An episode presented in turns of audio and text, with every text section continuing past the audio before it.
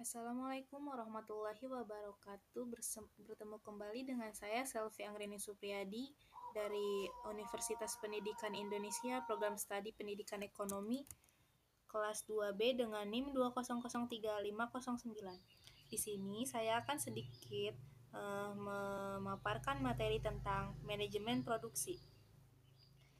Apa sih itu manajemen produksi? Berdasarkan pengertiannya, Manajemen produksi adalah sebuah penataan dari proses pengubahan bahan mentah menjadi suatu menjadi suatu produk atau jasa yang memiliki nilai jual. Nah, apa sih itu fungsi dari manajemen produksi? Menurut Sofian Asauri, terdapat empat fungsi penting dalam sebuah manajemen produksi. Di antaranya adalah sebagai berikut. Yang pertama ada fungsi perencanaan, yang kedua ada jasa pendukung, yang ketiga ada proses pengolahan, yang keempat ada pengendalian atau pengawasan.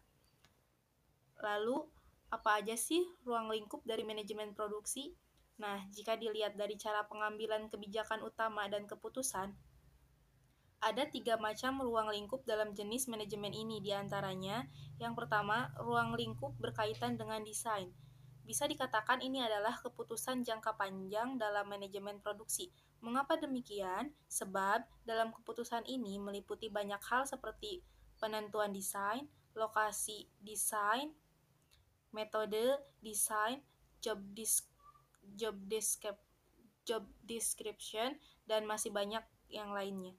Lalu yang kedua ada ruang lingkup berkaitan dengan transformasi. Ini adalah keputusan yang bersifat jangka pendek, atau keputusan ini berkaitan dengan operasional dan taktis. Dalam keputusan ini mencakup berbagai hal seperti giliran kerja, jadwal produksi, anggaran, jadwal penyerahan masukan, jadwal penyerahan masukan pada subsistem pengolahan, dan keluaran pelanggan.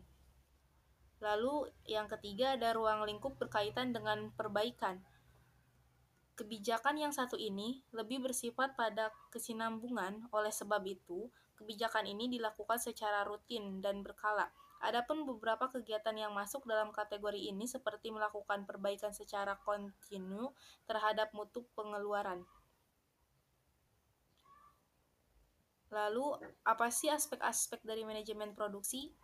Yang pertama ada aspek perencanaan produksi barang atau jasa, yang kedua ada pengendalian produksi barang atau jasa.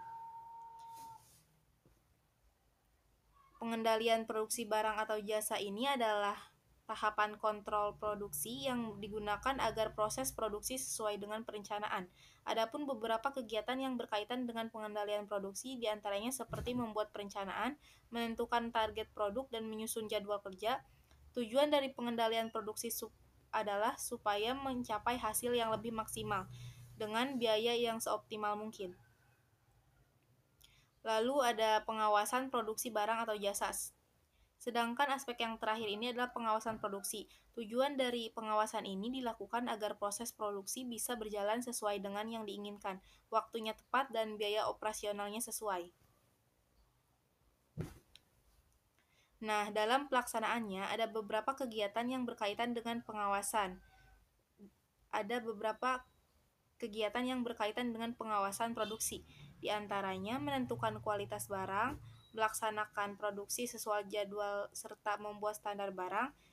Dengan memahami manajemen produksi di atas, maka kita bisa menghasilkan produk yang memiliki daya saing pasar sehingga bisnis yang kita bangun bisa bertahan lama dan menghasilkan keuntungan yang berlipat ganda.